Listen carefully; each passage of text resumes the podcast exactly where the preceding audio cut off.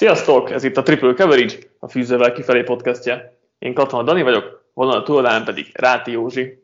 Sziasztok!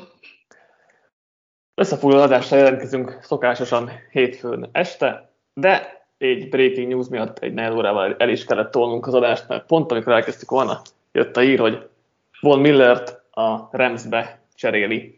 A Broncos egy második és egy harmadik körös pikkért cserébe, és a Broncos benyeli a 9,7 milliós fizetésének a nagy részét, tehát 9 milliót, úgyhogy kvázi a Rams nem fizet ki semmit kis tudással Millerért, csak ezt a két pikket. Józsi, mi itt az első reakciód, mert konkrétan tényleg 10 perc előtt történt az eset, szóval mi az első reakciód így a trade kapcsolatban? Hát ez egy elég nagy wow uh, biznisz volt úgy gondolom én ezt nyugodtan hívhatjuk ugye win now módnak, mert, mert most akkor a Rams tényleg akkor azt mondta, hogy jól van srácok, akkor nyerni kell, ugyanis Millernek konkrétan csak erre a hány meccs maradt, tíz meccs maradt, ennyire van szerződés, úgyhogy jövőre még új, új, szerződést, kell, új szerződést is kellene neki adni. Szóval ez tényleg az konkrétan erre a 2021-es szezonra pakolt fel most mindent a csapat.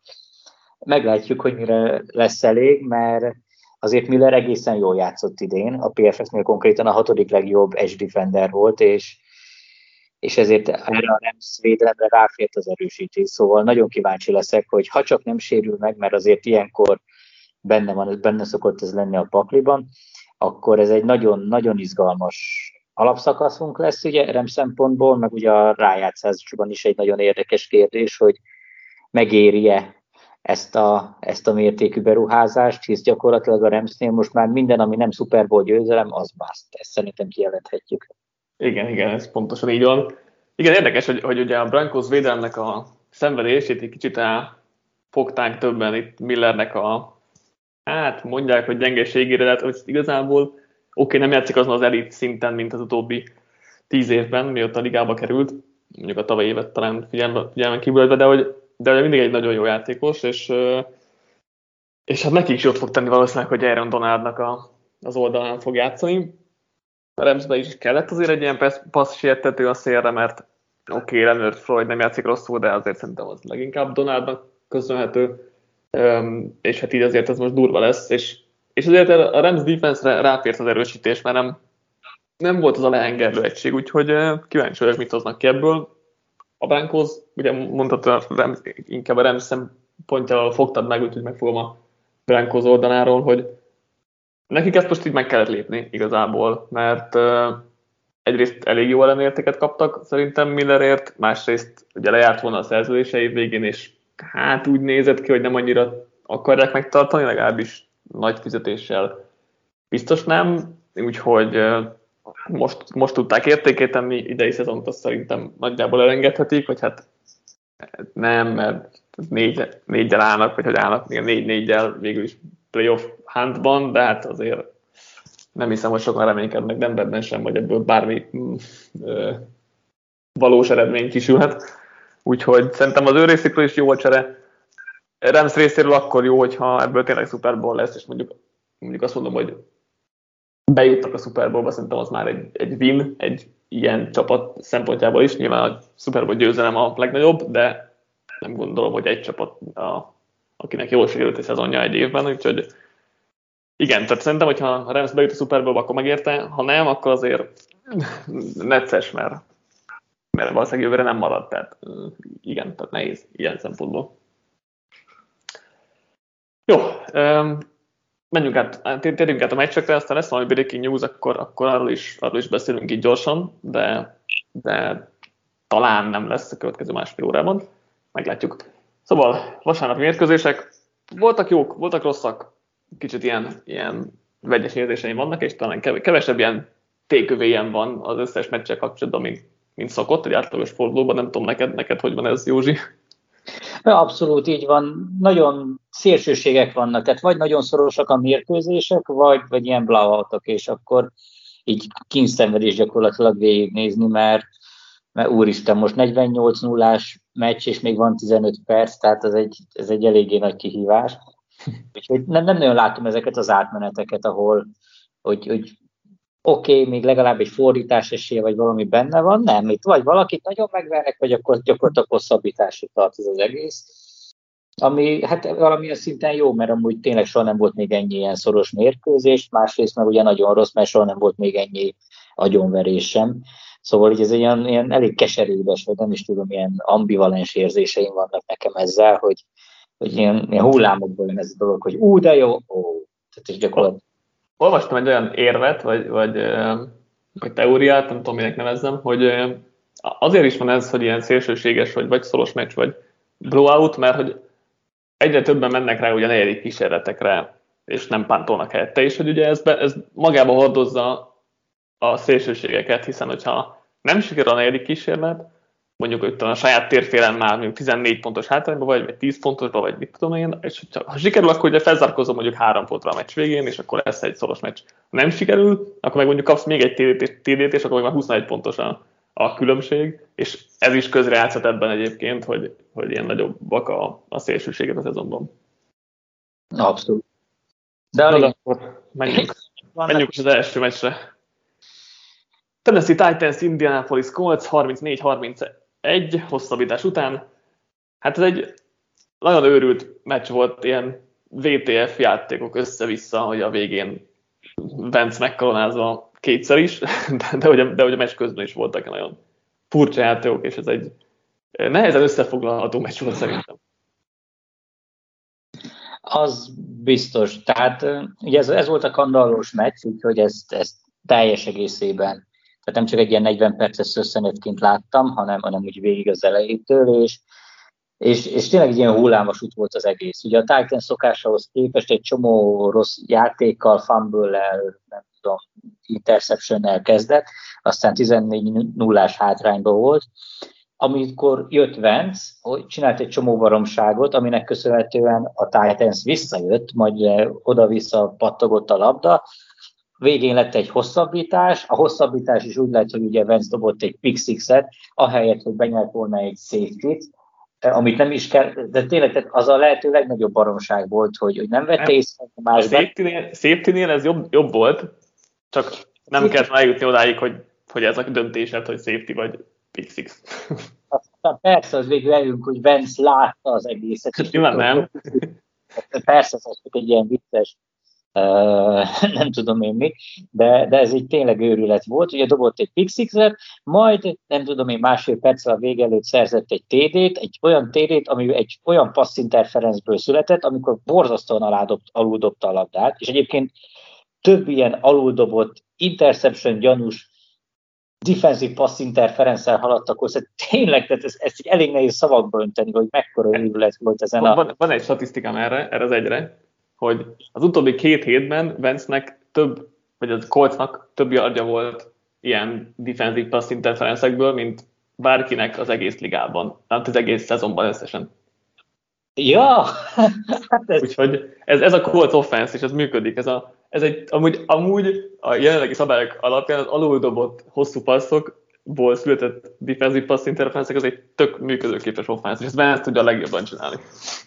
Hát ez, ez, ez zseniális. Tehát mindegy, tehát ez egy ilyen teljesen őrült meccs volt, ahol, ahol így meg megvillantak a, akár Vence is, mert neki is voltak nagyon jó passzai, akár Tenehill, akár a, a többiek, a védelemből mindkét oldalról, és teljesen ilyen agyat eldobott baromságok voltak, szóval ebből még következtetés is nagyon nehéz lemondni, mert úgy játszottak gyakorlatilag, mint mi szoktunk a flag focin, hogy öcsém lesz valami, aztán vagy szükszer dobunk, vagy ha, ilyen egész pályás td és hát ez így, ez tök random volt, tehát ebből mondj le valami következtetés, hogy igen, annál, annál randomabb játék, mármint, hogy nála jó a Vance safety helyett pick az mondjuk beteg, betegszik vele, de hogy a, a Titans harmadik és hosszúra ugye Tannehill dobott egy, egy interception a, a pass rusher Taekwon Lewisnak, aki visszament coverage-be, és ő elkezdte visszaholdani, megsérült, elesett, kiejtette a labdát a kezéből, a Titans visszaszerezte, következő playben 57 eurós AJ Brown TD. Tehát ez is egy olyan, olyan hihetetlen egymás utáni történések sorozata, amit így látni kell igazából az, az egyértelmű. És egyébként ez, ez rámutat arra, hogy a két csapatban egyébként lenne potenciál, egész sok. Tehát például a Colts szerintem jobb, mint amit a mérlegem, mint a 3 5 mérleg tart. A Titans nem biztos, hogy annyira jó, mint ez a 6-2-es, de azért benne vannak ezek a nagy csapatok tulajdonságai, hogy, hogy azért képes szarjátékkal is meccseket nyerni. Meg benne van az is, hogy ezek annyira barnok, de tényleg, tehát nem megbántva senkit, hogy, hogy úristen, hogy hogy tudtak ezek ilyen játékkal egyszerűen győzni. De mert a titans aztán pláne így van, hogy emlékszünk a Seahawks elleni győzelemet is úgy szerezték, hogy egy óriási hátrány, csomó fanből, csomó nyomorult játék, aztán ott, ott ugye beindult Henry, meg rengeteg ilyen, ilyen, ilyen VTF győzelmeik, meg vereségeik, meg momentumaik vannak, úgyhogy elég nehéz belőni őket így egy erős sorrendbe, hogy, hogy most ők így hol, hol vannak. Úgyhogy itt maximum következtetés lehet levonni, hogy a Colts így ezzel a 3-5-ös méleggel azért lassan már azon gondolkozhat, hogy Vencet le kéne ültetni a padra, hogy az Eaglesnek ne egy első kört kellene ad, kelljen adni, a Titansnek meg effektíve megvan a, a rájátszás, mert a csoportban nem igazán látom, hogy ki tudna ledolgozni ilyen három-négy győzelmes győzelemi hátrányt. Hát senki, a, a, kvázi szerintem a csoport győzelmet azt beírettük a Titansnek. A, az érdekesebb kérdés az a Colts szerintem abból a szempontból, hogy azért itt lesznek könnyű meccsek, mert Jets, Jaguar az a következő kettő, lesz meg egy Texans, oké, okay, mondjuk van egy Base Buccaneers között, tehát az nyilván nem segít, de akkor ez mondjuk egy 6-7-es mérleg a bye weekig, és még utána is lesz Jaguars, jó, hát fú, határeset, ezt, ezt, ez a meccs nagyon kellett volna, mert mert ez itt nehezebb. Csak is, azt, azt hittem, hogy itt a Colts ezt meg, meg fogja tudni nyerni, és akkor még bőven meccsben lesznek, vagy, vagy versenyben lesznek a playoffért. Még az az utolsó wildcard, wildcard hely szerintem még kiadó lehet, kell, kell egy-két meglepetés győzelem tőlük. A, ami tékövén volt még ezen a meccsen, hogy Michael Pittman tök jó, tehát tényleg előlépett most már egy első számú elkapóvá, az utóbbi hetekben is elindult, és már talán akkor is mondhattuk volna, de most, most még rá tette erre egy lapáttal. Illetve a Kosztak nagyon jól sikerül megfogni a Derrick Henry-t, és ez most nem csak ezen a meccsen, hanem a korábbi meccseken is így volt, és most is hozzátettek ehhez. Ki kell emelni viszont, hogy Derrick Henry megsérült, és úgy néz ki, hogy az egész szezont most már ki kell hagynia, vagy legfeljebb a rájátszásra, vagy rájátszás környékén térett vissza optimista esetben. Mit, mit gondolsz erről, hogy ez a Henry sérülés, ez, ez milyen befolyással lesz erre az offenszre, mert, mert azért ráépített ez a támadósor, és most sok minden kiderülhet abból, hogy Henry mennyire helyettesíthető Henry nélkül mit tud ez az offense, tehát ez most nagyon érdekes dolog lesz szerintem.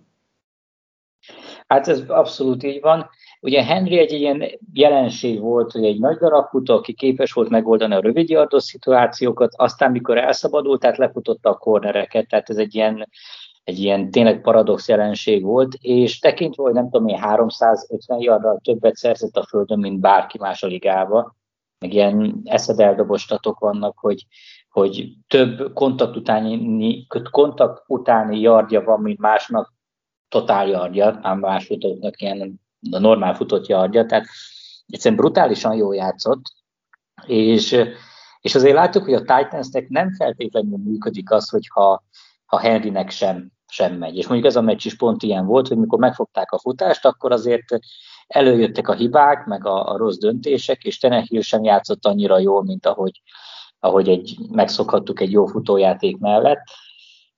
Úgyhogy szerintem ez egy, hát nem mondom, hogy végzetes lehet, mert, mert tényleg a csoport az, az annyira gyenge, hogy, hogy nem látom, hogy valaki beelőzne a Titans-t, és azért meccseket csak fognak nyerni Harry nélkül is, de, de nagyon nyögvelnyelősnek hiszem ezt, és szerintem Henry nélkül nagyon alaposan vissza fog esni a támadósor, vissza fog esni Tenehillnek a játéka, több lesz a hiba, és hát hogyha eddig mondjuk egy ilyen 10 plusz győzelmes szezont vizionáltam, szerintem most már a, egy 9 győzelmes idényel úgy nagyjából elégedettek lehetnek, mert mint tényleg, én, én speciál komoly visszaesést várok attól, hogy Henry nem lesz itt. És persze tudom, uh-huh. futó, futójáték meg minden, de ha van csapat, ami konkrétan egy játékos, egy futóra épül, és itt tényleg, mert ugye mondhatjuk a Ravens, de hát ott azért van passzjáték is, meg jó, meg stb. De a Titans az egyetlen csapat, ami tényleg ez az old school, ahol egy futó viszi a hátán a csapatot, és tényleg viszi. Úgyhogy szerintem Henry nélkül ez egy, ez egy eléggé nagy visszaesés lesz, és nem hiszem, hogy mondjuk egy Adrian Peterson, ugye most fel őt hozták szóba a titans olyan minimalizálni tudja a veszteséget. Lépünk tovább. Tampa Bay Buccaneers, New Orleans Saints 27-36. Mindenki várta a végén a Brady comebacket, erre két szarpassz, egy interception és vége. Igen. Ez egy nagyon, nagyon vicces meccs volt, erről ugye én írtam az összefogot, hogy sokat, sok újdonságot nem tudok mondani, tényleg csak magamat tudom ismételni azzal, hogy, hogy a Saints az, az itt valahogyan ráérzett valamire. Tehát erre a Bucks rendszerre, meg Tom Bradyre is, és nagyon tudják, hogy hogyan lehet így, becsapdázni, vagy, vagy hogy mondjam ezt, hogy hogyan lehet zavarba hozni, hogy, hogy és tényleg látszott, hogy nem igazán volt dinamikája, se, se úgy koncepciója ennek az egész támadósornak, hanem elég ilyen adhok volt, hogy lesz, ami lesz, próbálgatott Brady, és amúgy tényleg dobott, vagy nem tudom, 400 yardot, meg 4 TD-t, csak, csak úgy ott voltak a hibák, azok a hibák, amiket eddig nem nagyon láttunk tőle, és ez így azzal járt, hogy hát ha nem is simán, de, de kikapott a Saints-től, és megint, tehát konkrétan harmadszorra három volt. Tehát az alapszakaszban a Bucks játékosokként Brady még egyszer se tudta megverni a, a saints ami egy elég brutális statisztika, tehát ilyen konkrétan még soha nem történt vele. Tehát már tavaly az is óriási csodaszámba ment, hogy kétszer kikapott egy csoportriválistól, mert ilyen se fordult még vele életében soha, hogy egy szezon belül kétszer kikap ugyanattól. Úgyhogy azt hiszni valamit nagyon tudnak, és, és tényleg csak dicsérni lehet Paytonékat, meg a defense, meg mindenkit, mert ember felett itt nyújtottak, és teljesen megérdemelten győztek. Igen, valahogy ez a védelem ahogy mondod, séma szinten is valószínűleg jól fel tudja venni, vagy Denis Allen jól kitalálja ezeket a dolgokat, meg szerintem egyénileg is azért felszívják magukat itt a, erre a csoportrangadóra, tehát az is látszik, hogy mint a vértittak van a játékosok mindig, úgyhogy az, az is szerintem egy fontos tényező ebben.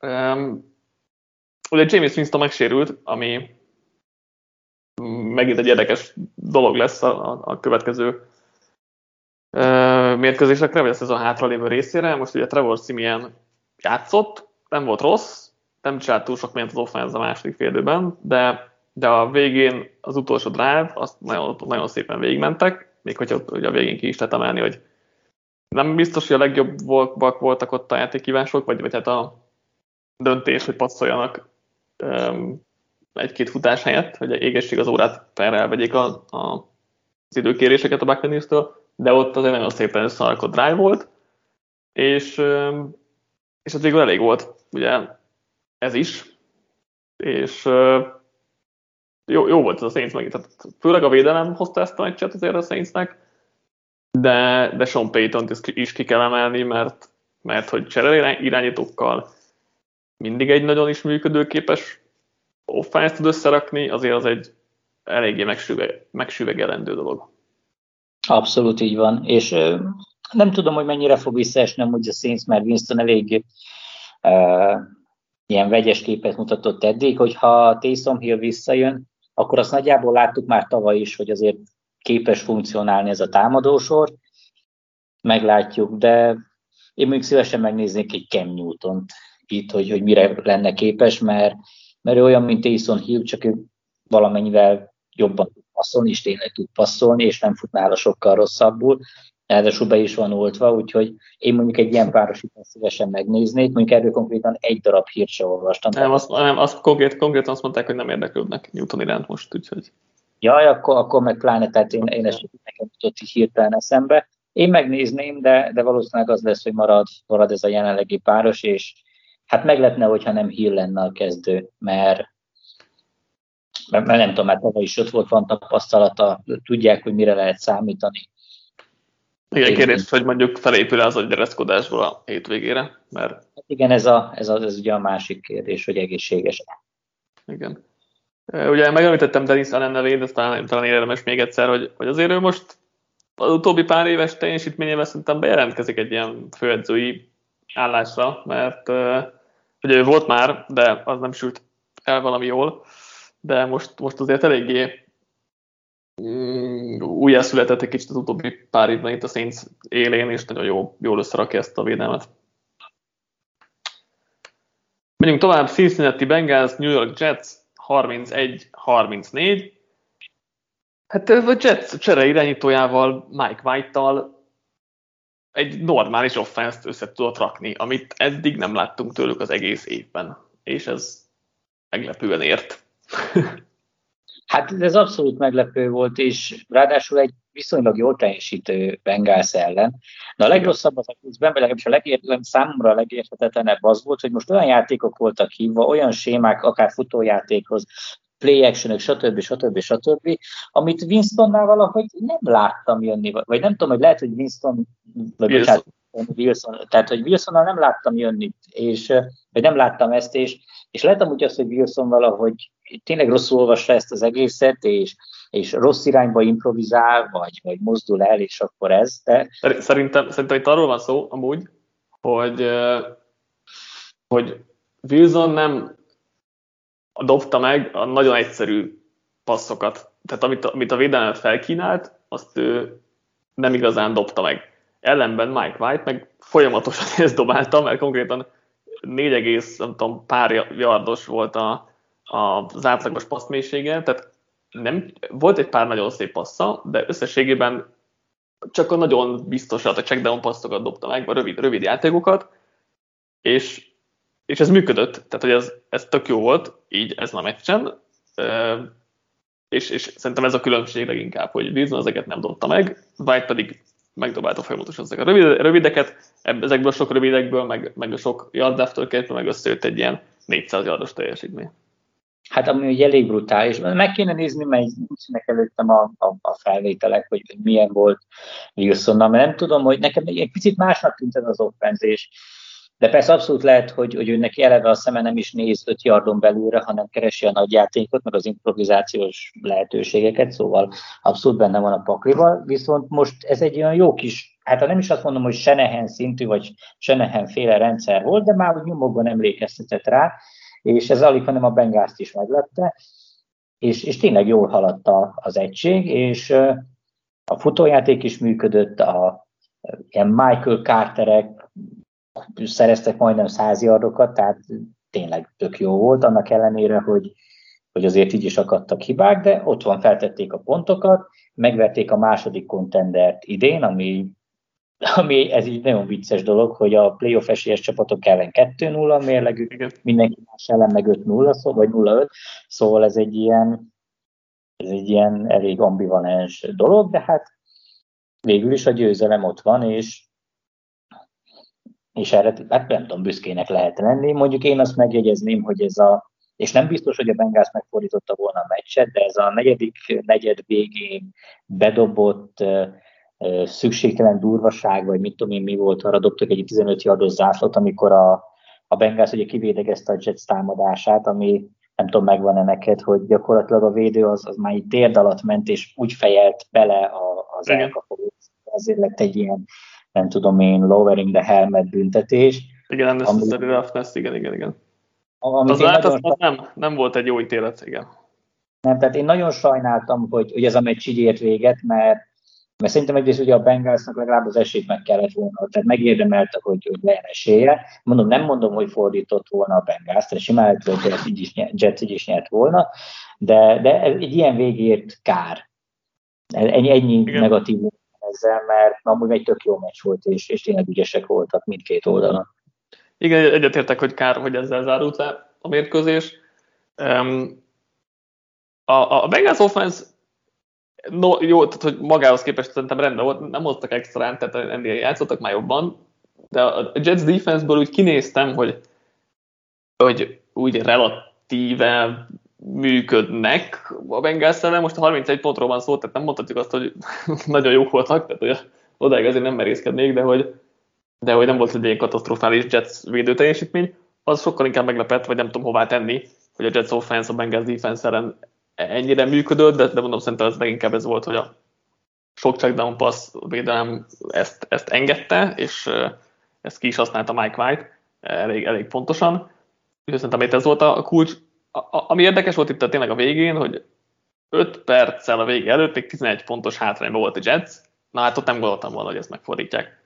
Jött, jött a TD, egy, a Ty Johnsonnak a TD-je, az a, a oldalvonal melletti kötéltáncos, hát az, az elképesztő volt, amit ő, őt hozzátett, és utána meg a, az interception, ahogy a védőfal ember felütötte, azt hiszem Shaq Lawson volt, és megszerezte az interception az is gyönyörű volt, és így, tud nyerni a Jets. Nem, ki, nem, ki nem néztem volna belőlük, az biztos.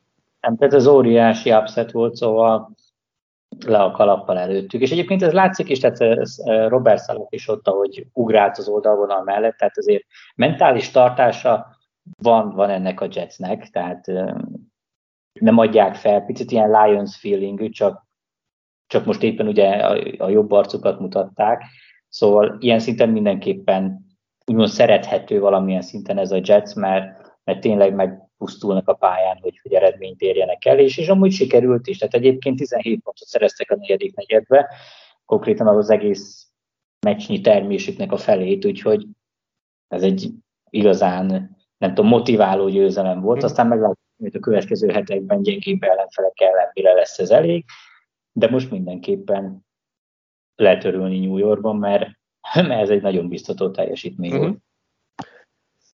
Dallas Cowboys, Minnesota Vikings 20-16.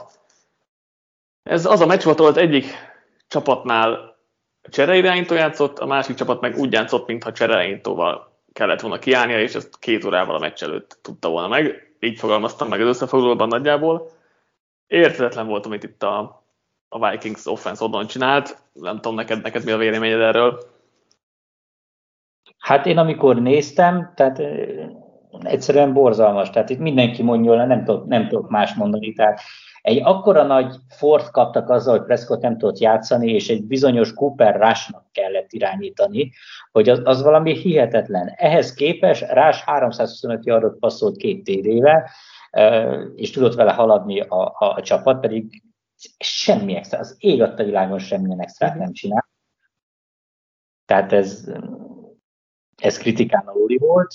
Igen, hét olyan drive-ot vezetett a Cowboys, ahol legalább 40 yardot haladtak, és ugye nem volt sem kezdőirányítójuk, és a kezdő leftekköljük, az elit leftekköljük, Tyrell Smith is elég hamar kiesett. Ez meg, tehát nem tudom, ezt melyik másik csapat oldotta volna meg.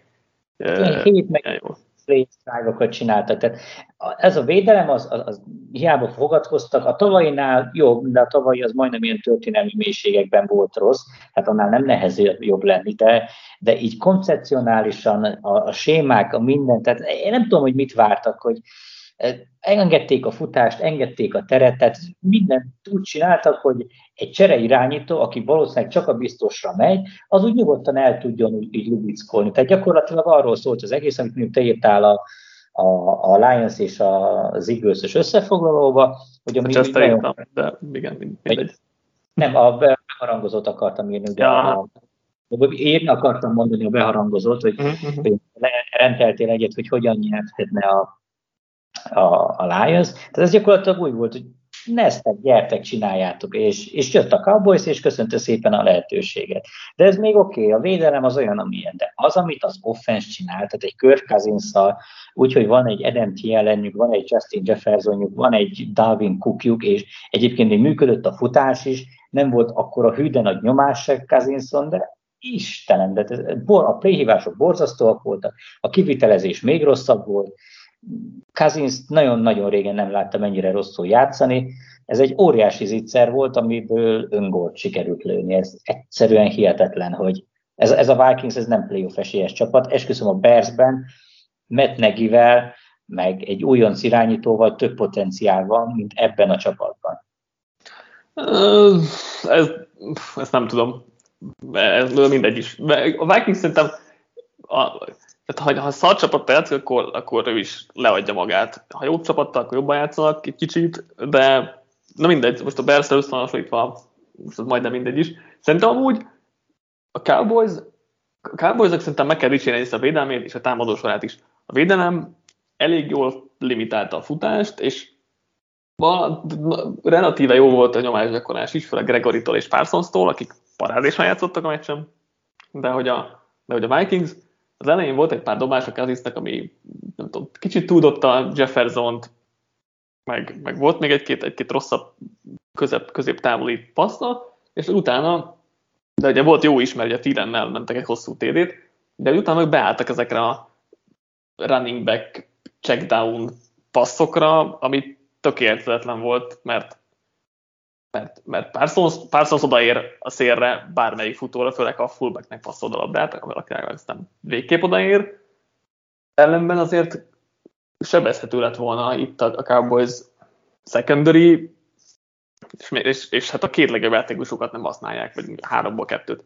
Ami nekem hát tök érthetetlen, és, és nagyon fura volt az, amit tényleg akart csinálni a, a Vikings.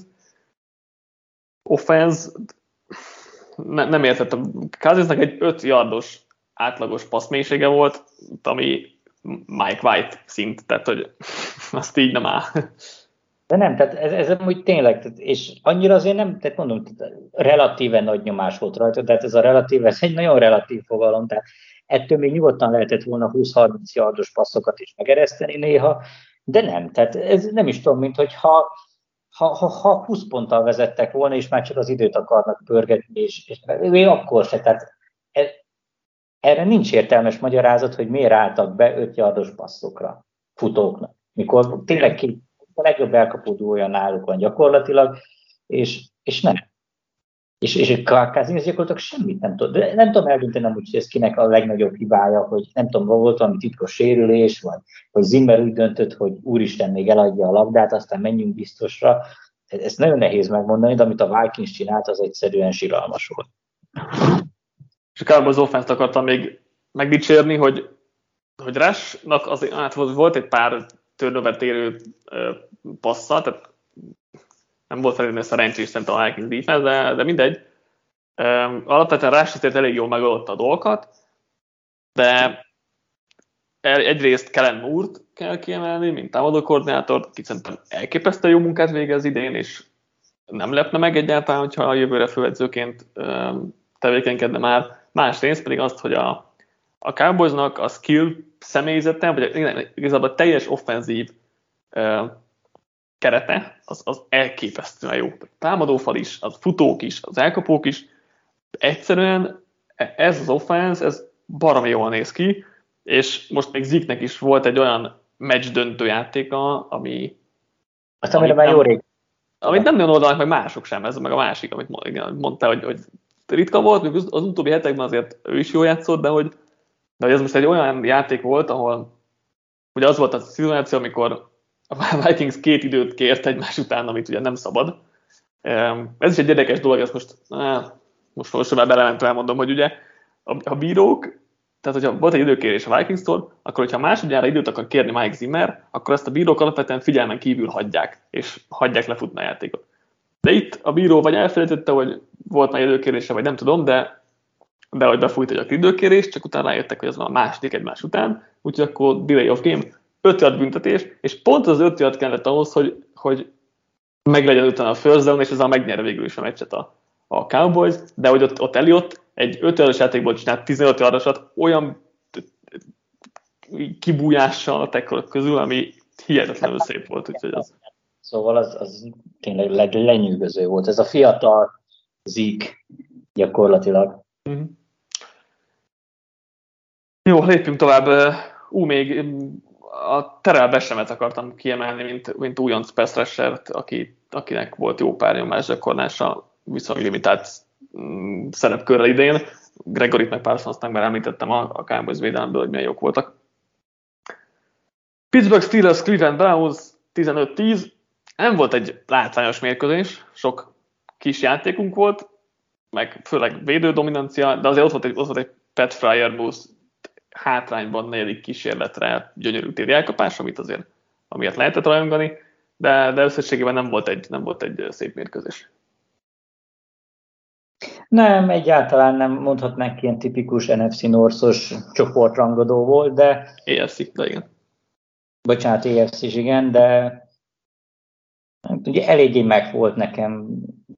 A steelers nagyjából tudtuk, hogy erre lehet számítani, van egy egészen jó védelmük, megpróbálják erőltetni a futást, amennyit Big Ben bírt passzolni, annyit passzol.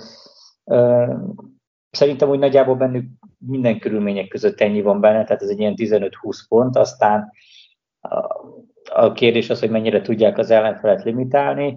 Uh, ellenben a, a Browns nekem eléggé nagy, nagy csalódás volt. Persze itt nagyban függ az, hogy Mayfield mennyire sérült, meg mennyire tud belállni, meg megdobni a labdákat, de, de szerintem sem a rendszer, sem a sémák nem segítették, annyira nem nagyon voltak üres elkapói, hogyha ha voltak is, akkor nem igazán tudta megdobni, tehát nem igazán volt extra ebben az offenszben.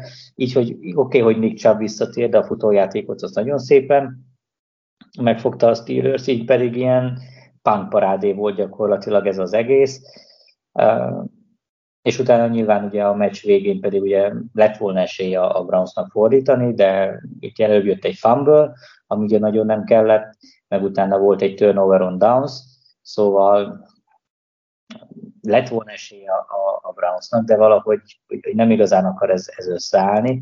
A védelem az úgy, úgy szó-szó szerintem egészen jó, de offense oldalon hiába jött vissza Landry, hiába van ott uh, Odell Beckham, egyszerűen, egyszerűen abszolút hatékonytalan, ha van ilyen szó ez, a, ez az offense, és különösen Beckhamet rossz látni, hogy jót rohangál, de összesen egyetlen egy labda ment felé. Uh, nagyon meglepne, hogyha nem cserélnék el, mert, mert konkrétan semmi haszna nincs, és és egy valami... Kérdérte most bármit is, az a kérdés inkább. Hát az, igen, ez meg ugye a másik. De, de valamit nagyon ki kellene találni ennél a Brownsnál, mert még hogyha a védelem jól is teljesít, az offense az annyira esetlen, hogy, hogy, hogy nem igazán látom, hogy itt hogyan lesz ebből így akkor rájátszás, mert szerintem csak azokat a csapatokat tudják jelenleg megverni, akiknek konkrétan nincs futás elleni védelmük, és lehet 200 adott futni ellenük. Ezen kívül viszont, hogyha Mayfield esetleg hátrányba, illetve mondjuk a Browns hátrányba kerül, akkor nem igazán látom, hogy Mayfieldék képesek lennének meccsben maradni. Úgyhogy ez egy, ez egy nagyon kellemetlen csalódás így akkor a, a Browns részéről, és ugye most jelenleg a csoport utolsó helyén vannak, mivel ugye a Steelers 4-3-as mérleg előttük van, a Ravens meg a Bengals meg ugye konkrétan az NFC, vagy micsoda az AFC első helyét küzd jelenleg, szóval elég kínos ez a, a tavalyi, mennyi 10-6-os, vagy 11-5-ös, 10-6-os mérleg után. Igen, hát most ugye vissza, visszajön az, amit, ami mm, aggodalmunk volt a Browns kapcsolatban, hogy tavaly ugye szoros meccseket majdnem mind megnyerték, idén meg most majdnem mindig kikapnak ezeken, és ez nyilván egy ilyen kis azért, ilyen statisztikai variancia, de hogy, de hogy láthatóan visszaáll ez most.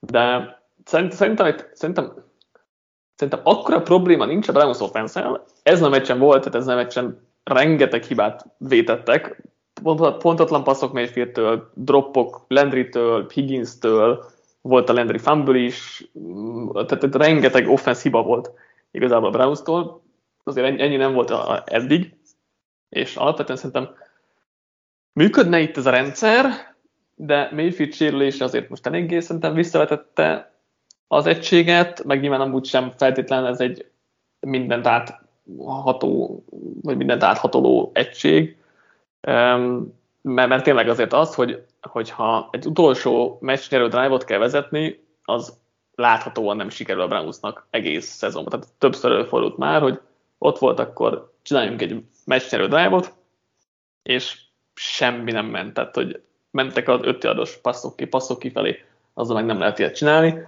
Úgyhogy, úgyhogy ez szerintem a, a, a probléma leginkább a Brownsnál, és ezért nehéz bennük azt a, azt a potenciált látni, amit mondjuk reméltünk volna a szezon előtt, vagy én reméltem volna.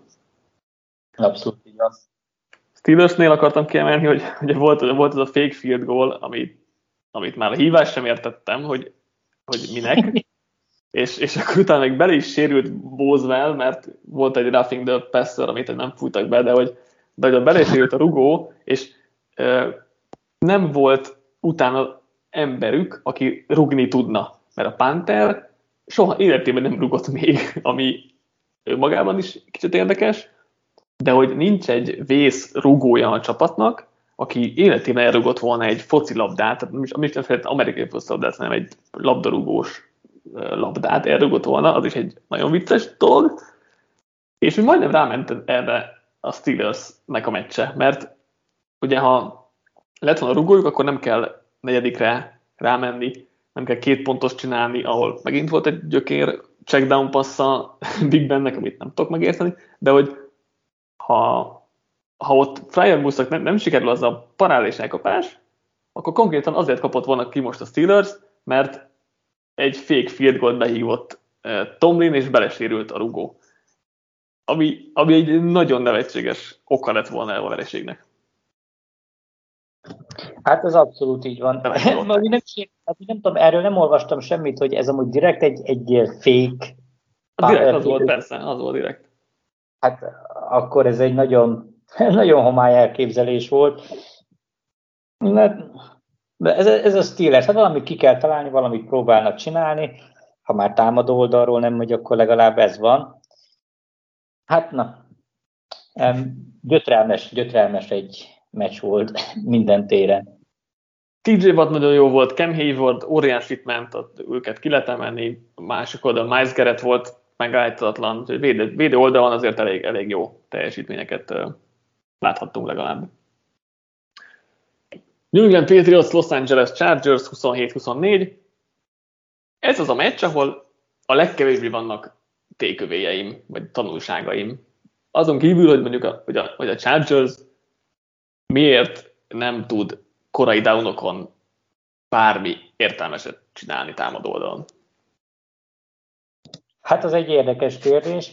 A, azt nem ki kell emelni, hogy a Patriots ugye tavaly is nagyon szépen megfogta a Chargers, meg ugye most is, tehát ez egy picit ilyen Saints Bucks feeling, hogy, hogy, hogy Bill Belichick nagyon egyelőre nagyon tudja, hogy mit lehet Herbert ellen csinálni, és és szerintem szépen meg is állította, és azért volt ez a meccs ennyire szoros, mert az offenszbe jöttek hibák. Megint volt egy-két, ugye volt egy elrontott negyedik, negyedik kísérlet ott az ellenfél öt yardosának környékén, ugye volt egy fumble, ami, ami megint, tehát most idén rengeteget fumbliznak a, a perc játékosai, hogyha azok nincsenek, akkor szerintem ez egy ilyen 10, akár 14 pont pontos győzelem is lehetett volna, tehát kifejezetten jól felkészült a Patriots a, a chargers de, a, de a chargers is voltak ellenfél térfelén random nagyokat támadásai. Tehát szerintem én, én ilyen egállos meccsnek éreztem ezt, mind a két oldalon voltak ilyen hibák.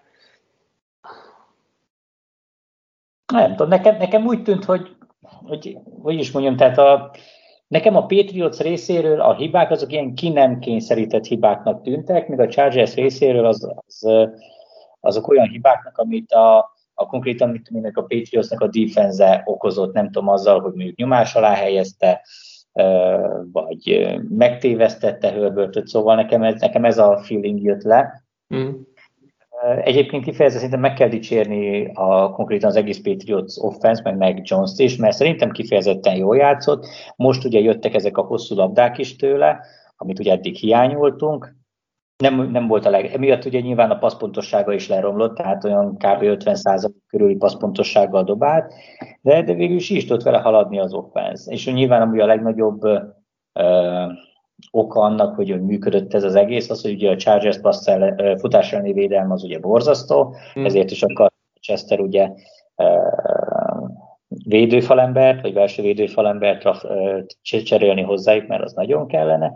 A Petsz ezt kihasználta, Damien Harris 80 yardot futott egy TD-vel, de rajta kívül még Boldennek is, meg Stevensonnak is volt egy csomó futása, hogy valami 150 yard körül teljesített a csapat ami szerintem kifejezetten okos volt, kihasználták az ellenfél gyenge pontjait, és ez egy, hát nem mondanám, hogy ez egy statement a Patriots-tól, de, de azért mutatja, hogy van ebben a csapatban Kraft, és hogyha ha nem, fognak, nem jönnek ezek a ki nem kényszerített hibák, tehát leginkább a fumble gondolok, amiből idén rengeteg van, akkor azért eléggé gyanús, hogy, hogy ott lesz a playoff közelében. Legalábbis szerintem most a mutatott játék alapján meg stratégiailag, taktikailag szerintem a Patriots bőven ott van a hét legjobb csapat között, még hogyha a mérleg, ez a 4-4-es mérleg nem is feltétlenül azt mutatja. Nagyjából egyetértek az elmondottakkal. Igazából furcsa volt, hogy most, hogy miért most kezdett el hosszabbakat passzolni meg Jones, mert, mert ugye a Chargers alapvetően rövid játékokat jobban engedi, és engem egyáltalán nem zavar, hogy most kevésbé volt jó a passzpontossága, mert végre jöttek tényleg a hosszabb játékok is. Ezt akartam látni, és ezért elég, elégedett is vagyok összességében vele. Um, amúgy most, ha jól nézem, akkor 8. helyen van a Patriots a konferenciában, úgyhogy uh, uh, ott van közel, van, tehát 4-3 pont a Chargers és a Steelers van előttük a 6.-7. helyen. Úgyhogy igen, meg lehet itt még a, a playoff. Igen, tehát kellett az, hogy most, most végre nem egy Texans vagy egy Jetset vertek meg, úgyhogy ez most mindenképpen mutatta, hogy azért lehet ebben a csapatban valami. A Chargersnek meg csalódás, és igen, tehát láttam a meccs előtt, hogy itt, itt azért lehetnek gondok a Chargersnél, mert középen szétfuthatja őket a, a Patriots, de azt nem gondoltam, hogy illetve azt vártam, hogy, az, hogy offense oldalon tudnak fejlődni, javulni az eddigiekhez képest, mert Benton Staley is mondta, hogy ebben kell javulniuk a bye weekről érkezve. És nem értem, hogy akkor miatt miért nem javultak ebben, amit, amit mondott, hogy ebbe kell javulni. És akkor itt most egyébként meglepődtem, hogy nem nyomtál egy rendet Joe Lombardról, de, de őt elő lehet venni, hogy, hogy uh, első és második kísérletekre az offense ez nagyon rossz. És harmadik kísérletre és Herbertre támaszkodnak, ami nem fog működni. Uh, konzisztensen is be fognak csúszni ilyen verességek, meg uh, kitől kapott két Chargers múltkor. A... Olyan vereségek is. Úgyhogy uh, igen. Hát egyébként meg már, már egyszer rendeltem most minden adásban. Nem kell, azt is igazad van. Megyünk tovább, San Francisco 49ers, Chicago Bears, 33-22. Uh, Matt Nagy nincs ott a csapatnál, és már is mennek a dolgok Fieldsnek. Nekem ez volt a, a TQVM leginkább az első fél idő után, mert a második fél időben eléggé visszaállt egy ilyen konzervatív stílusra a, a Bears, meg, meg a Fortnite is alkalmazkodott, de hogy ez most egy jó meccs volt Fields-től, amit, amit vártunk azért. Ez, ez így van. Tehát ez volt az első olyan meccse, ami, ami nekem is kifejezetten tetszett. A passzjáték a körülményekhez képest szerintem úgy rendben volt, azért a, a 49ers védelme, pláne ez a védőfal azért egy, egy field szintű újoncnak, pláne egy ilyen elkapó személyzettel, meg támadó fallal, azért az meg tudja nehezíteni a dolgát.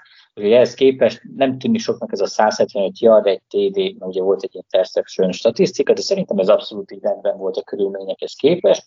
Ellenben ugye végre előjött az, amit ugye nagyon-nagyon vártunk, hogy legyenek ilyen ráhívott futások, időben mm-hmm. direkt elrajzolva, hogy, hogy kiengedjék egy kicsit a a dobozból ezt az egész Fields dolgot, és, és meg is hálált, a 10 futásból szerzett 103 yardot és egy TD-t, és nem emlékszem, hogy az az óriási menekülés az, az egyben a TD futása is volt-e. Igen, igen, igen. Az Akkor az, az, tehát az valami hihetetlen volt, tehát azt a játékot kb. ötször nyerte meg a 49ers, és, és mindig valahogyan ki tudott belőle csúszni, szaladni, és egészen egy, egy TD-ig vitte, és óriási potenciál van ebben. Nem mondom azt, hogy ugye mondjuk egy Lamar Jackson vagy Kyler Murray szintű futógép lesz, vagy tehát nem, nem látom benne azért a mozgásában ezt a fajta a fegyverként. Más a stílusa, inkább egy Newton stílusa van, de még a, az, meg, az meg egy másik véglet talán, a kettő között inkább egy erősebb futó. Igen, tehát ő ezt a stílus képviseli, de ez nem is feltétlenül baj, mert hogyha jól fel vannak rajzolva a playek, akkor ezzel is nagyon lehet hatékonyan futni, és hogyha meccsenként hozna ilyen, nem tudom én, 50-60-70 yardot a földön, azzal azért nagyon sokat segíthetne ennek a, a offense csak hát ugye jó lenne, hogyha ezt így így támogatnák, vagy ezt így, így rájönnének a Bears front office és hogy jé, ez a gyerek ezt tud futni. És Igen, akkor nem nagyon, nagyon jó volt, hogy végre voltak bootlegek, tehát kimozgatták a zsebből Fields-et, és szerintem 5-6 ilyen volt, és mindegyikből first down lett. Volt egy pár, ami futással, több, többi uh, passzal, ebből lett egy TD is, tehát hogy ezt, ezt vártuk az első mestől fogva, hogy oké, okay, legyen egy under center játék, play action, mozgast ki az egyik oldalra Fields-et, vagy futja, vagy megfutja, vagy passzolni fog. Ebben az egyik legjobb, és eddig nem láttuk. Most először láttuk ezt, és jé, működik. Igen, nem, csak... nem tudom, hogy, hogy eddig miért nem jöttek erre rá, mikor annyira egyértelmű volt, hogy kiszúrta a szemüket, de most végre volt ilyen, és ez nagyon tetszett. Reméljük, hogy ez megmarad, mert ez kell. Nem tudom, én tényleg azt tudom elképzelni, hogy hogy, hogy itt megnegék még mindig arra játszanak, hogy, hogy azt mondják, hogy Fűsz még nem állt készen, és akkor így direkt rontják le, ami, ami baromság. Most már nem tudják, szerintem most már ezt nem tudják játszani. Ez egyre kevésbé eladható, úgyhogy én nagyon remélem azt, hogy, hogy Fűszre akkor most elkezdenek olyan playbookot írni, amivel esetleg hatékony tudna lenni, mert, mert azért van benne potenciál, hogyha csak így szabadjára engedik, hogy csinálj valamit, mert azzal is többet elérnének, mint ezekkel a, a Daltonra hívott, megírott playbookokkal, szóval, meg játékokkal. Hogy ez egy mindenképpen fontos tanulság volt, hogy Fields képes nagy játékokra, képes kimozogni a zsebből, képes futni, képes futtában dobni. Úgyhogy... Az, az a baj, ezek, tehát ezek legfeljebb a Bears stábjának lehetek tanulságok, mert ezt eddig mondtuk folyamatosan, hogy csináljátok már ezt, mert hülyék vagytok. Hát, mert, nem mondhatják azt, hogy ez egy Texans defense volt, ami mindent enged, hát Bózaék ellen rohangált, és azért ez, ez itt valami, tehát egy 49 defense ellen azért ez, ez egy nem rossz teljesítmény, és itt már leesett, hogy húha, lehet ez a kis csók azért csak tud valamit. Lehet nem dobja úgy a rövidet, mint Dalton a zsebből, de hát Isten, kit érdekel. Lehet, csak a vesztes csapatról beszéltünk eddig. Említsük meg, hogy a Fortnite azt szerintem Garoppolo az idei legjobb meccset játszotta. Nem magas a rész, tehát hogy eddig nagyon rossz meccseket játszott, de most, most rendben volt, nem nagyon hibázgatott, és mondjuk olyan sok extra játékosa volt, de, de most, most ez, egy, ez egy jó meccs volt Garoppolótól. Egy, egy hibájára emlékszem, ami, ami félidő végén dobott egy tök jó hosszú paszt, és utána elrontotta a rövidet. A TD-re, és abból csak field goal lett a, a fél végén, de egyébként meg tök játszott, Diből személyel az a baj, hogy mindig az egyetlen használható embere, és reméljük, hogy kitől majd visszatér jövő héten. E, és ezzel együtt egyébként azt is meg kell említeni, hogy a best defense az Khalil Mack nélkül azért nem ugyanaz az egység. Tehát ők valószínűleg az idei legrosszabb teljesítményüket hozták talán, volt meg egy ilyen meccsük, ami hasonlóan rossz volt. Nyilván segített, hogy Eddie Jackson is hamar kidőlt, de azért itt, itt Macnek a hiánya nagyon megérződik, és ez, ez azért probléma. Ja, igen, ez így abszolút így van. De amúgy egész jó lett volna ez a belső, legalábbis egy darabig még tudták tartani a 49 de a második negyedben teljesen fellettek őrölve, vagy hát a második. A negyedben pedig konkrétan 18 pontot kaptak, szóval... Igen, azért... az, hogy az offense is ott szerintem az előny tudatában ők így visszaálltak egy ilyen nagyon konzervatív játékra, meg a Fortnite is jobban fellépett a futásokra, tehát az is nyilván hátráltatta, mert Bears futni akar, de hogy nem nagyon éreztem azt, hogy ők itt most nyomni akarják a gáz tovább, és szerintem ez volt a baj igazán a második félidőben. Itt megörültek az előnynek, és akkor utána egy picit leengedtek, ami így végzetes lett. Kár érte, a 49ers viszont de nem azt mondom, hogy hozta a kötelezőt, mert az utóbbi heteket figyelembe véve azért ez egy eléggé kiki meccs volt, viszont ez a győzelem nagyon kellett nekik, mert 3-4-es mérleggel, úgyhogy van két hét egyes a, csoport, a csoportban, ezért nagyon nem lesz egyszerű a, a, a rájátszásba jutás. Ez így nagyon kellett. Garoppolo tényleg nagyon jó járt, hát na, önmagához képest jól játszott. Működött a futójáték, ez is egy nagy segítség volt neki. Aztán majd megnézzük, hogy a jövő héten a, ami már igazából ez a hét, tehát a következő fordulóban azt hiszem a Cardinals ellen fognak játszani, az, az megint egy, az, az viszont egy komoly felmérő lesz, és, és ott nagyon nagy kérdés lesz, hogy ezt tudják-e játszani, vagy ez tényleg kellett egy megnélküli uh, Bears offense, vagy Bears defense, meg egy, meg egy konzervatív, egy a második fél teljesen konzervatív playbookot alkalmazó Bears offense, hogy, hogy győzni tudjanak. Senehennek villantania kell mindenképpen. Így van. Carolina Panthers, Atlanta Falcons 19-13. Nem tudom, mivel kezdjem. Ez, ez, ez a meccs, ahol felírtam pár gondolatot, de hogy így nagyon-nagyon ilyen okosságot kevésbé tudtam talán, mert, mert végre azért Shaq Tom, az, az az egyik legfontosabb, hogy Shaq Thompsonnal ez a Panthers védelem um, nagyon jó. Nagyot javul, hogyha ő ott van a pályán, mint, a, mint hogyha nincs ahhoz képest. Most is nagyon jól játszott, és, és a Panthers defense is nagyon jól játszott, és le tudták venni a, a, a Falcons offense-t. A Pitts eléggé egyedül volt, és ezért őt, őt ugye sikerült levenni, mert Ryan elég gyenge volt most újra.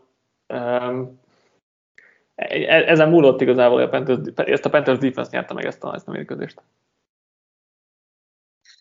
Hát, ja, mondd, hogy hát oké, okay, tehát hogyha ilyen, ha pozitív, ilyen pozitívan akarod felfogni, akkor ja.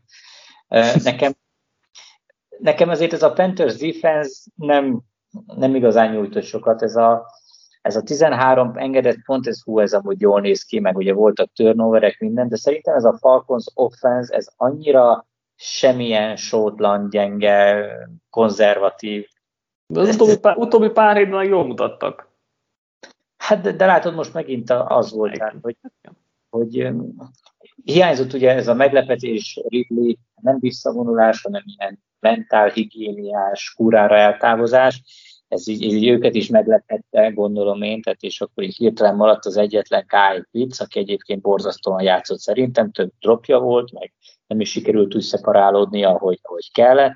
Aztán oké, okay, hogyha ő nem tud játszani, akkor ilyen sárpékkal, meg Corderella patterzonokkal kell, kell alkotni, ami, ami nyilván nem egyszerű, de, de, de igazából nem látom ezt a, ezt, az, ezt az igazán jó koncepciót, ami, ami mondjuk megvolt a Titans-ben, hogy, hogy így működött is. Persze ezt lehet mondjuk akár az emberanyagra fogni, hogy nincs egy Henry, nincsen egy, nincs egy AJ Brown, és Matt Ryan is nagyon-nagyon messze van jelenleg attól a szintől, amit Tenehill akár idén, akár tavaly mutat, szóval lehet, hogy, hogy konkrétan ez a, ez a probléma, de én jelenleg nem látom ebben a Falcons offense-ben egy-két kisebb felvillanás leszámítva azt, hogy, hogy ez amúgy jó lehetne, és ez elsősorban Matt Ryan miatt van, és mivel ugye nem lehet kivágni, ez ezért jövőre is probléma lehet, mert én nem hiszem, hogy fel tudnak húzni egy olyan jó offense hogy, hogy ez így, így működjön vele, és, és akkor viszont ki fognak jönni ezek a hibák, amik most is kijöttek, hogy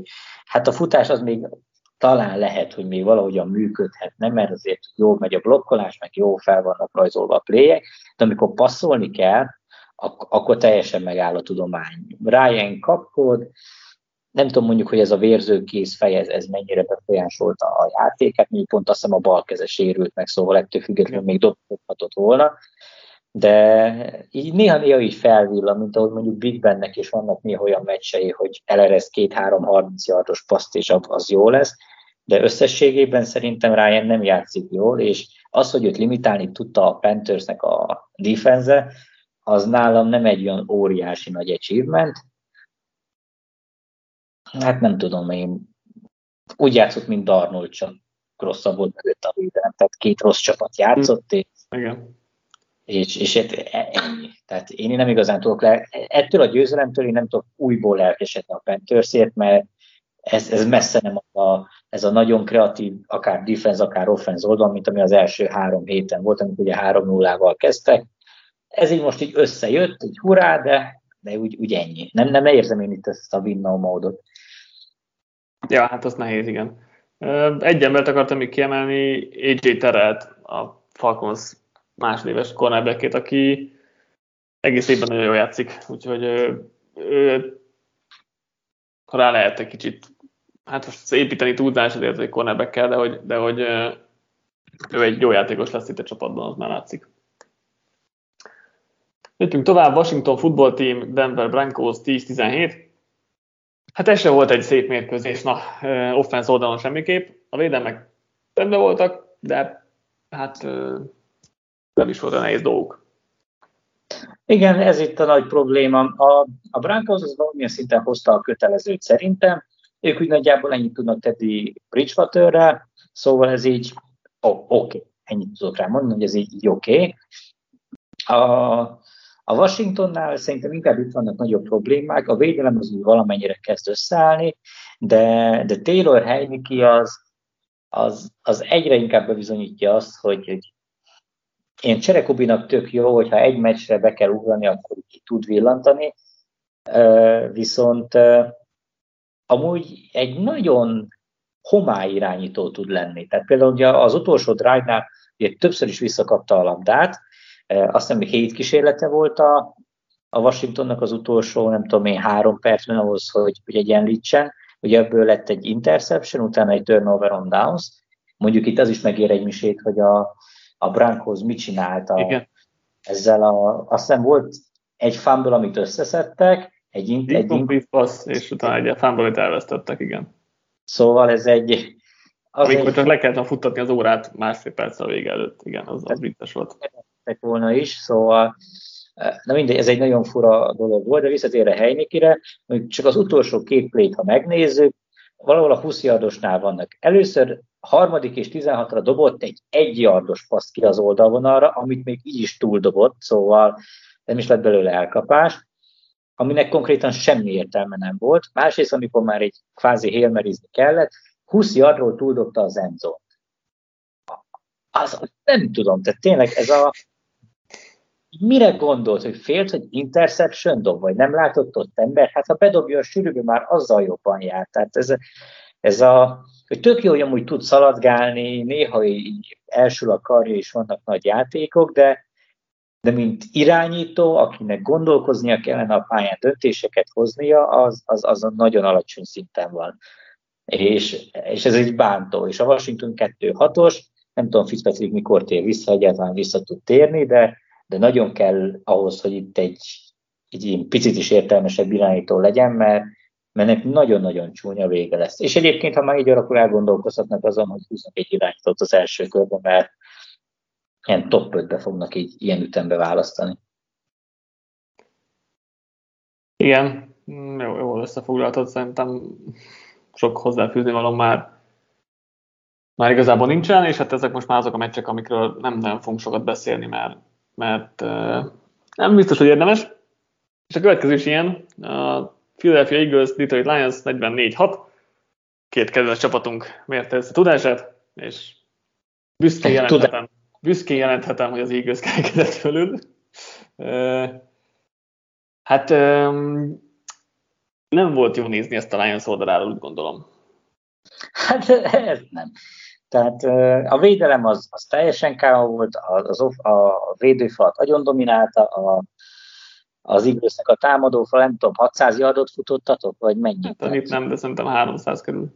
Na hát az, az, az teljesen normális egy NFL mérkőzésen, úgyhogy ez, ez, ez egyszerűen borzalmas volt. Offenz részen meg megint ugyanaz volt, hogy volt az igaz támadó, a védőfal, ami ugye sokkal tehetségesebb, vagy hát nem is feltétlenül tehetségesebb, de így a, a sérülésekkel tizedelt Lion támadófalat azt agyonverte, így pedig ugye nem működött a futás, így akkor Goffnak kellett passzolni, Goff nem tudott passzolni, persze túlzatlan az egészet ráfogni, mert, mert azért tényleg lehetetlen helyzetben volt, mert kb. vagy agyonütötték, vagy nem tudta, de konkrétan nincs, aki elszakadjon, tehát amúgy se tudna öt jarnál hosszabbat dobni, még hogyha akarna, szóval ez így, így eleve nehéz.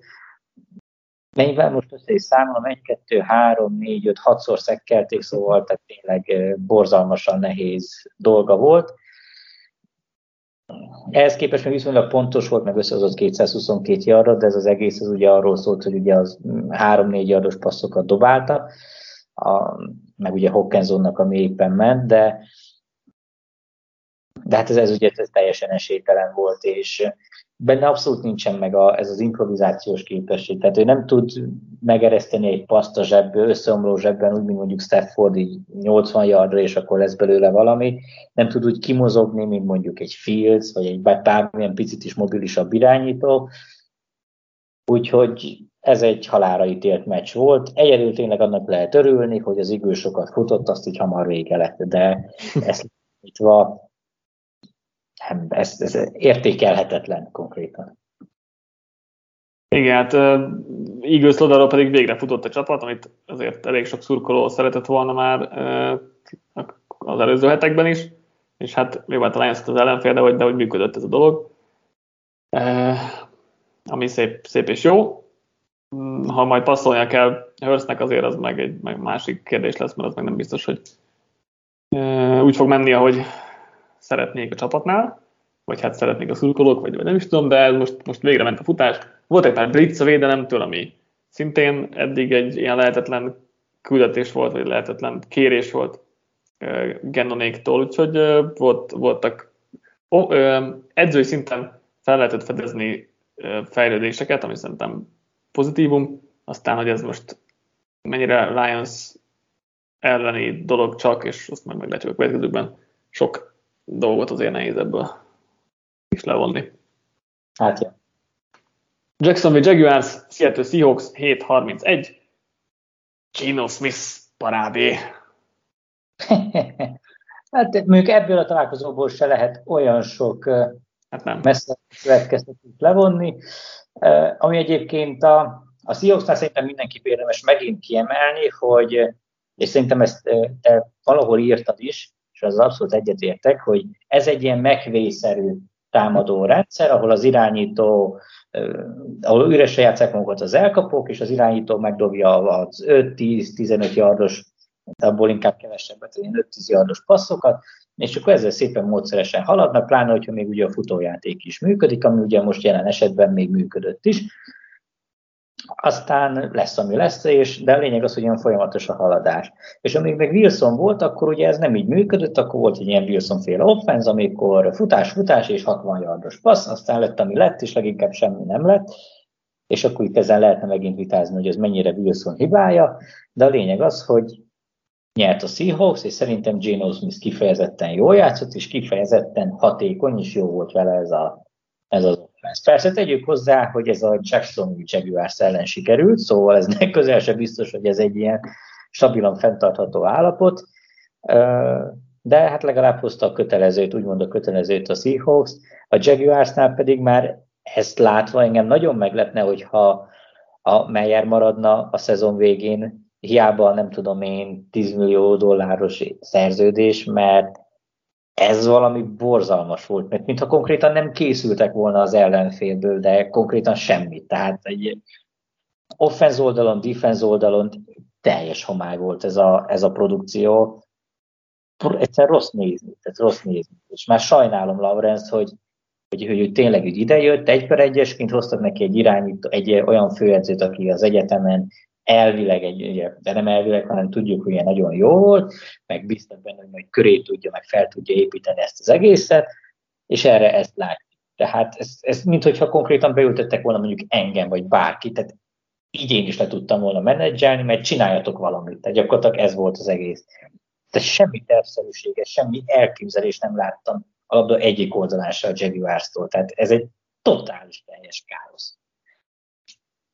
Igen, a Seahawksnál ugye azért McVay féle offense, mert ugye McVay alól került ki az új támadókoordinátor, és hát az első fordulóban láttunk ugye erre jeleket, utána átalakult ez egy Wilson offenzé, és a Wilson kiesésével meg visszajött ez a McVay támadósor, és ez jól is áll Gino-nak, tehát hogy ez, ez most egy tök jó teljesítmény volt, oké, okay, Jack védelem, tehát tegyük hozzá, de ugye kb. csak Lockettnek, meg Metcalfnek ment az összes labdája, ami vicces, hogy Metcalf meccs után Hát, uh, beszólt Wilsonnak, ez talán nem igaz, de hogy, de hogy mondta, hogy milyen fasza volt ilyen labdákat kapni, amilyeneket kapott. És ezért nehéz nem úgy venni, hogy Wilsontól nem kap ilyeneket. Úgyhogy ez egy érdekes kis hát ez... volt. Meglátjuk, hogy, most... ez mit jelent, de érdekes volt. Hát amúgy nem lehetne meg az, hogyha Wilson tényleg elmenne innen, mert azt mondaná, hogy, hogy nem, mert ugye idén is el akar. Csak már most meg akarom nézni, hogy mekkora a kettő irányító közötti a magasságbeli különbség, mert ugye Wilsonnal kapcsolatban mindig előjön, hogy pici, ezért nem lát a, a fal mögül. Gino egy normális méretű irányító. Wilson egy, Wilson, Wilson, hon vagy? Pont a magasságodat nem Gino Smith 1,91. Wilson meg 180. Hát na. Hát az sok. Szentén a sokat számít, igen, az ez amúgy egy tényleg rettentő vicces dolog, hogy, hogy Wilson túl pici ahhoz, hogy, de amúgy vele gondolsz, hogy Breeze meg tudott dobni, tehát Breeze se volt magasabb, Breeze azt hiszem egy volt. Breeze is hasonlóan magas volt, de egyébként Breeze se szeretett annyira sokáig, és ő is mindig ugrálgatott a zsebben, tehát meg volt az a kis ugrálgató mozdulata, hogy kicsit kilásson a fal mögül. De oda dobta. Hát jó, hát igen. igen. Érted, most nem, itt nem az a kérdés, hogy mennyire szereted. Persze, oké, okay, akkor most boldogtalan lesz Wilson, úristen is elmegy, de hát csak belátja ő is, hogy nem tudom, akkor ezek szerint nem látja be, hogy ez, ez egy nem egy működőképes stratégia, hogy csak 60 yardosat dob. Hát pláne két safety aztán meg van halva. Tehát ez, ez nem opció. És persze, zseniálisan dobja el, tehát nála jobban szerintem nem nagyon van olyan irányító, aki, a hosszú labdákat ennyire jól megdobja, tehát ez tényleg top 3-as minimum. De, de csak erre nem lehet offenszt építeni. Jaguarsnál tényleg fájdalmas volt nézni, mind az offense mind a defense és ami legsíralmasabb, hogy tényleg az egy bye week után sikerült összehozni, és tényleg, ahogy mondtad, úgy nézett ki, mint hogyha semmit sem készültek volna az NFL-ből, ami tényleg, tényleg, hogy a támadósor az egyáltalán nem kreatív, pedig azért azt reméltük, hogy majd Urban Meyer kicsit ezt hoz egy ilyes, ilyesmit a dolgokba, de hogy de az, hogy Jamal Agnew számít az első számú elkapónak, Dan Arnold meg a másodiknak, azért az kicsit nevetséges. Vagy nagyon. Hát mondjuk ez, hogy is hívják, Bevel, ugye ő volt a Lionsnek tavaly a támadó koordinátor, ugye őt elhozták ide, mert hogy van azt hiszem, tám, hát ugye támadó koordinátor múltja minden, mindenképp van, de azt hiszem, ő tám főedző is volt. Ugye neki volt mámiája Egnu. Na most itt van aztán Egnuznak agyba főbe. Az egy CD-t is Egnu kapta el. Tehát a cornerből lett, visszahordóból lett csoda elkapó. Tehát egyenesen nem bír futni szerencsétlen, és, és ráhívják a játékokat. Miami Dolphins, Buffalo Bills, lépjünk tovább, 11-26. Sokáig ez tök szoros volt, 3-3 volt a félidő, és a Bills a félpályát nem tudta kb. átlépni, aztán a végén csak bedarálták a Dolphins, de hogy úgy nem teljesen tudom megmondani, hogy így ez mi volt ez a meccs. Hát nem, szerintem annyi, hogy igazából néha vannak ilyen, ilyen találkozók most. A Dol- ugye ismerik egymást, a Dolphinsnak egyébként tehetséges lenne a védelme, csak eddig nem nagyon jött ki. Most nagyjából azt láttuk, amit tavaly, hogy, hogy a védelem szállította a, a lab, hát nem is, a labda, nem is feltétlenül a labdaszerzéseket, de a, a, a stoppokat ugye hozta, és akkor odaadta a támadók labdá, a kezébe a labdát. A, a probléma az volt, hogy hát ez a támadósor még mindig rettentően rossz, és oké, okay, hogy a Bills védelme idén kifejezetten jó, de ez a Tua vezette offense, ez, ez, ez annyira semmilyen, de, de, de tényleg, hogy nem igazán tudok erre, erre mit mondani, mert semmi kreativitás nincsen benne, nincsenek nagyon szépen, vagy váratlanul, vagy nem tudom én ilyen csak úgy random felrajzolnának dolgokat, és össze-vissza cikázának az elkapók, aznak is lehetne örülni, hogy, hogy nem ez a nagyon konzervatív, és nem ez a nagyon rövid passz központú checkdownokra épülő valami van, hogy, és ezt amit soha nem bírtam felfogni, hogy miért gondolja azt bárki is, hogy, hogy majd dobok két yard, és abból lesz 20 yard és bármilyen hosszú a harmadik, nem tudom, a harmadik és kilencet kell megdobni, akkor is az van, hogy két yard, és akkor az egyébként nem is elit képlet, nem egy Alvin kamara van ott, akinek, akitől talán még elvárhatod, hogy megcsinál egy ilyen plét, hanem nem tudom én, Miles Gaskin, vagy nem tudom, Patrick Liard, vagy kik kaptak el ott labdákat. Tehát egyszerűen, de tényleg nem értem ezt, hogy, hogy most akkor lehet, hogy tudod ennyire bizonytalan abban, hogy nem, nem félnek a támadófaltól, hogy nem tudja megvédeni addig, hogy, hogy akkor lehessen egy hosszú, vagy ilyen kreatívabb, ilyen több olyan pléjeket hívni, amiknek több időbe telik, hogy ugye kibontakozzanak.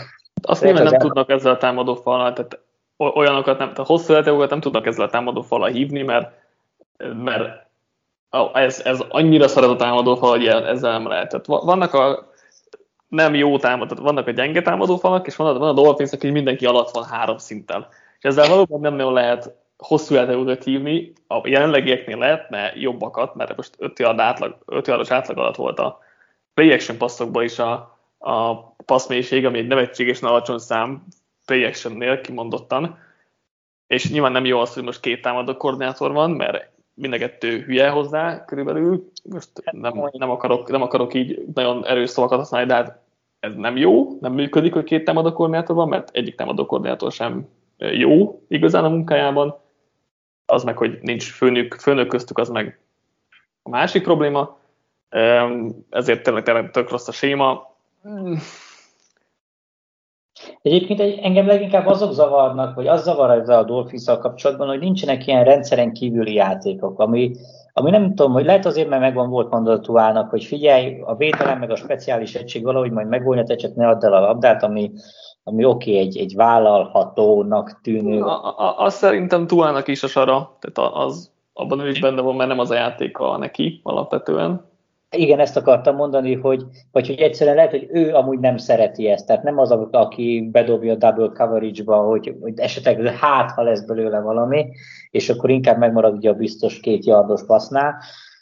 Valami átmenet kellene, tehát én értem azt, hogy, hogy félnek attól, hogy a, hogy a turnoverek azok túl nagy kárt okoznak, de egy hetes a mérleg, ezt a szezon abszolút el lehet engedni, úgyhogy most már tényleg lehetne kísérletezni, hogy, hogy megnézzék, vagy nem tudom én, hogyha a Dolphinsnak a, a GM-je vagy a tulajdonosa lennék, akkor csak ezt szólnák, hogy most már hívjatok tuára akkor is, nem tudom én, 20 yardos passzokat, hogyha összetörik, mert valami legyen, hogy, hogy legalább azt el tudják dönteni, hogy a, a de bár nincs is első körük, mert azt a elcserél. Van Fortnite-től, de igen.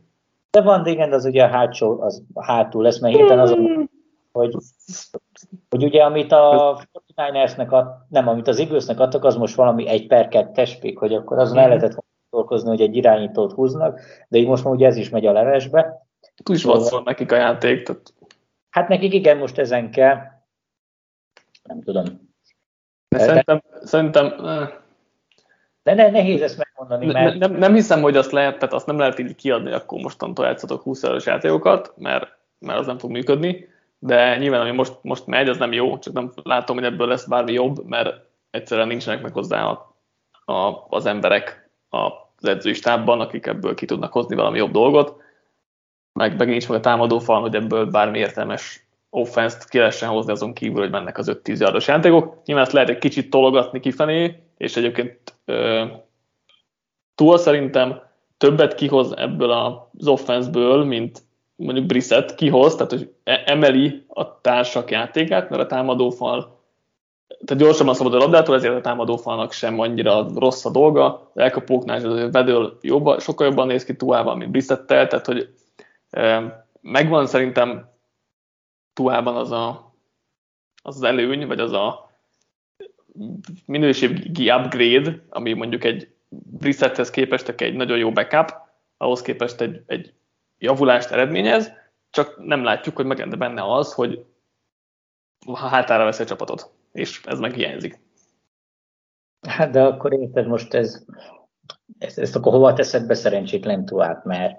Hát a, mit a 20-25. irányítónak mondjuk, akivel újon szerződéssel még összerakhatsz egy jó csapatot, csak ez a Dolphinsnak nem megy, jó, jó, jó csapat összerakás, de nem azt neki egy 40 milliós vagy 30 milliós szerződést majd, ha oda kerül a sor. Leginkább szerintem ez, ezt tudod csinálni vele. Elkezdesz a, a pótláson gondolkodni, de hát mindegy. Igen, igen. Ha találsz valakit, aki tök jó, akkor az jó, akkor tök jó.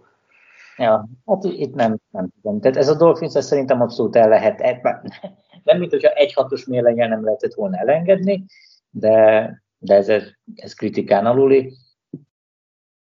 Nem, tényleg nem látom, hogy ez hogyan javulhatna, mert itt, itt, itt sem a, túl, túl a mentalitása, sem a, a körülötte lévő embereknek a minősége, legyen akár játékos, akár edző, nem, nem igazán mutatja azt, hogy ebből bármi jó lehet, úgyhogy itt már, már oda, hogy tudták tartani a bills egy fél időig.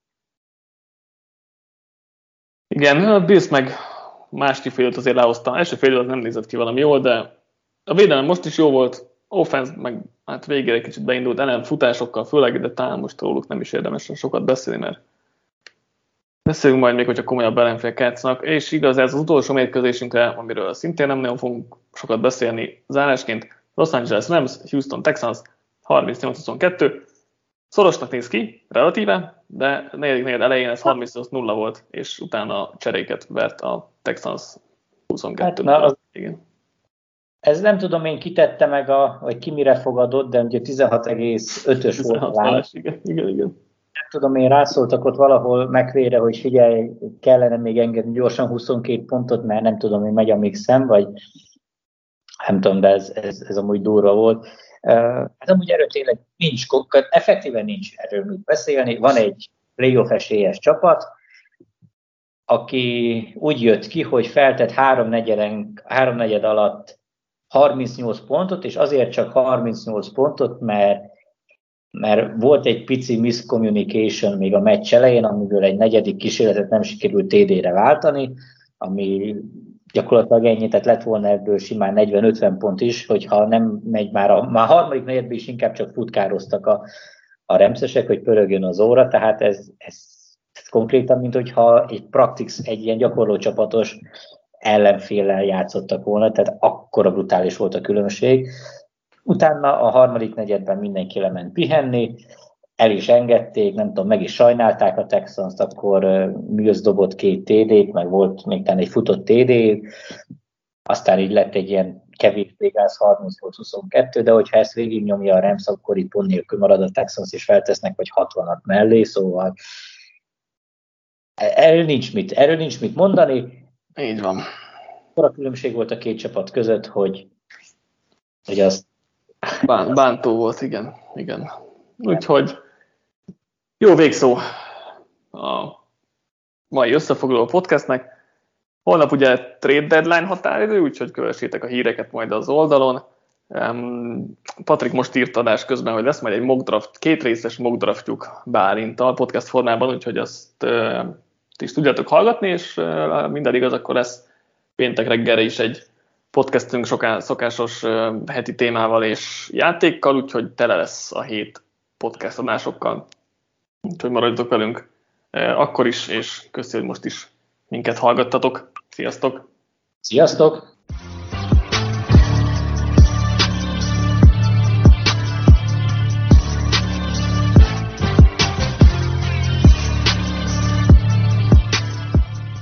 Ha más podcastekre is kíváncsi vagy, hallgassd meg a Béton műsor ajánlóját.